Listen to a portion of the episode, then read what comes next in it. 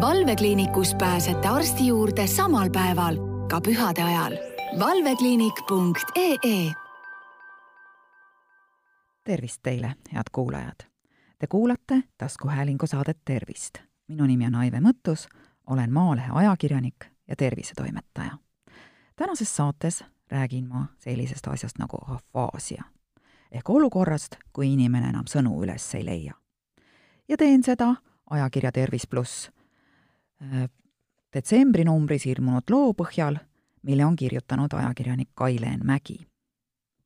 afaasia ehk kõnehalvatusega inimeste käitumist tõlgendatakse tihti valesti, eriti siis, kui pealtnäha mingit halvatust pohe, pole. ja vahel arvatakse ekslikult, et inimene on purjus. miks afaasia tekib? afaasia ei ole haigus, vaid sümptom ja see tekib peaaju kõnekeskuse kahjustumise tagajärjel enamasti põhjustab afaasiat insult või trauma. kahjustub kõnemine, kahjustub kõnelemine ja mõnikord ka kõnest arusaamine, lugemine ja kirjutamine.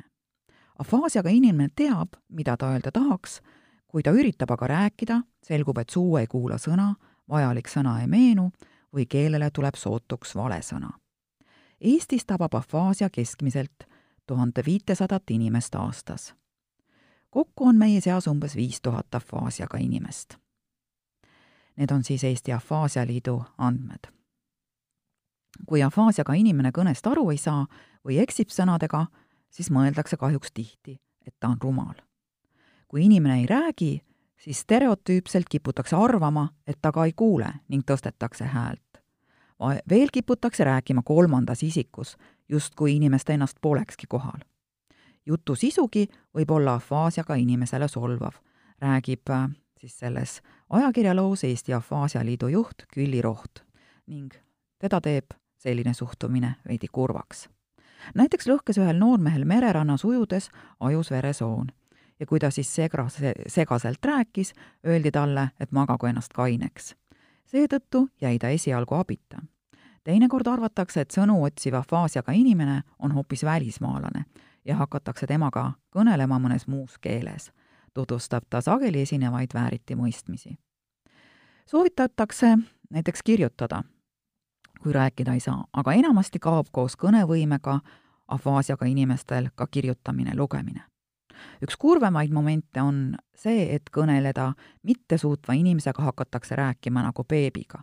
see võib olla vägagi solvav, sest intellektiga pole nendel inimestel tegelikult enamasti midagi juhtunud ajukahjustus võib suhtlemist piirata kas rohkem või vähem. Küllile meenub naine, kellel opereeriti ära ajukasvaja. ta sai pärast seda endiselt vabalt rääkida ja ka kirjutada, kuid tema sümbolitaju oli täielikult kadunud. ta ei suutnud enam lugeda, isegi seda teksti mitte, mille ta just ise äsja oli paberile pannud. seepärast kartis ta üksi reisida, sest ta ei suutnud vahet teha ka meeste ja naiste tualeti ustel olevatel sümbolitel Külli räägib, et kaks kõige keerulisemat afaasiaga inimeste gruppi on need, kel on täielik afaasia ehk kes üldse ei kõnele ega saa ka kõnest aru ning need, kel on nii kerge afaasia, et ei nad ise ega kaaslased tunne kõnekahjustust ära. kerge afaasiaga inimesed käivad tihti endiselt tööl ja usuvad, et kõik ongi enam-vähem korras. sain haiglast välja ja lähen eluga edasi. aga tegelikult on nii, et osa infot tuleb ajus ajus äh, nii-öelda läbi ja osa mitte. näiteks võib juhtuda, et kui inimene peab minema kindlaks ajaks kindlasse paika kohtumisele ning võtma veel midagi kaasa, siis ei pruugi kõik probleemideta sujuda. inimene teab näiteks, et ta peab kohtuma minema, aga näeb kõvasti vaeva, et meenutada kellaaega ja asju, mis kaasa võtta tuleb. ja ta võibki midagi unustada kui inimene ei täida kokkuleppeid, arvatakse tihti, et ta on hooletu, kiuslik või hiilib ülesannetest kõrvale samuti võib inimene öelda üht, aga mõelda hoopis midagi muud, ilma et ta ise seda märkaks. ja nii tekivad arusaamatused ning pahandused. kaasinimeste heasoovlik tähelepanu aitab aga probleemi põhjust mõista ja lahendusi leida. Külli Roht on aga optimistlik, sest taastumine afaasiast on taastusravi abil võimalik. ta on näinud seda väga lähedalt, see on inspireeriv ja annab jõudu edasi töötada ja Külli kirjeldab, töötasin keskhaiglas koos oma neuroloogist isaga, ta oli siis juba eakas arst, kui sai ise insuldi ning kaotas kõnevõime. neuroloogina teadis ta täpselt, mida tegema peab. ta treenis kõvasti ja taastuski päris hästi. pärast seda oli ta patsientidele oma nõuannetega väga suureks abiks, sest oli ise professionaalina samasuguse olukorra üle elanud. ja veel räägib Külli, et töötas kord ühe noore perearstiga, koos kellel tekkis väga raske afaasia see tohter nägi kohutavalt vaeva, tegi üüratut tööd, et uuesti rääkima ja kõnet tajuma hakata. ja praegu töötab ta edasi hinnatud perearstina. Külli räägib teiste hulgas kahest noormesest, noormehest, kelle liikumisvõime taastus peaaegu täiesti ning kes päris kaua oli sootuks kõnetu. samuti oli kahjustunud temal kõnest arusaamine. töötukassa hindamise põhjal tal töövõime puudus ja kuigi tal nüüdki on napilt mõnikümmend sõna vabalt kasutada, aitavad suhelda nutitelefon ja GPS-seade. ning kuna ta on positiivne suhtleja, suudab ta sageli jätta mulje, et temaga on kõik kõige paremas korras. vähehaaval saab mees isegi palgatööd teha. nii et vahel muutub ka võimatu võimalikuks. üks oluline lugu on Eesti Afaasia Liidu heategijast Evald Pesarist. tuhande üheksasaja neljakümne kolmandal aastal lahkus ta paadipõgenikuna Eestist ja jäi Soome elama. ta oli väga töökas mees, tegutses patenditud leiutistega ja oli eduka firma omanik. kahjuks võttis insult kõnevõime nii tema emalt, õelt kui ka lõpuks temalt endalt. see, kuidas ta suutis siis, juba peaaegu kõnetuna, oma lähedaste abil firma taas jalule tõsta, oli tõeline kangelastegu. siiski ei piirdunud ta sellega. afaasia kogemus oli tema jaoks sedavõrd vapustav, et ta asutas Soomes fondi, mille toel ehitati Helsingisse afaasiaga inimeste tugikeskus Villa Afaasia. tänu Evald Pesari annetusele on nüüd ka Tallinnas tema sünnimaaga, sünnimaa afaasiaga inimeste jaoks taastuskodu, mida kutsutakse tema auks Pesari majaks. Külli Roht usub, et see on Eesti ajaloos üks suurimaid eraannetusi üleüldse. kusjuures seda kõike tegi Evald Pesari praktiliselt kõnetuna Eesti Afaasia Liidu majas püütakse ajukahjustuse saanud inimestest toimetulekut mitmesuguste tegevustega taastada. tehakse tavapäraseid töid aias ja majas, toimub keraamikaring ning afaasiaga inimestele kui ka nende pereliikmetele pakutakse nõustamist ja logopeedilist abi. eeskätt aga otsitakse igale inimesele sobivat viisi, kuidas ennast teistele mõistetavaks teha ja ise teistest aru saada.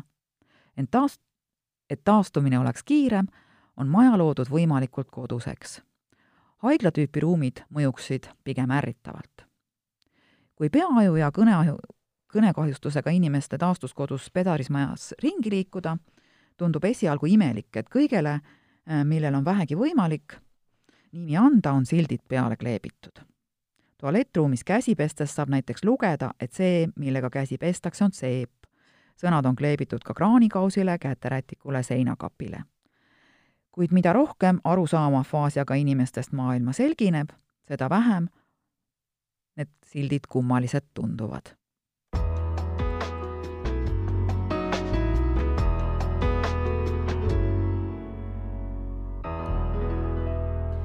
ja saate lõpetuseks mõned nõuanded, mida teha siis, kui vestluskaaslasel on afaasia. esiteks loeb, loo positiivne suhtlemiskeskkond ja ole sõbralik pea meeles, et afaasiaga inimese intellekt pole haiguse tõttu kahjustunud. ta vajab suhtlemiseks lihtsalt rohkem aega.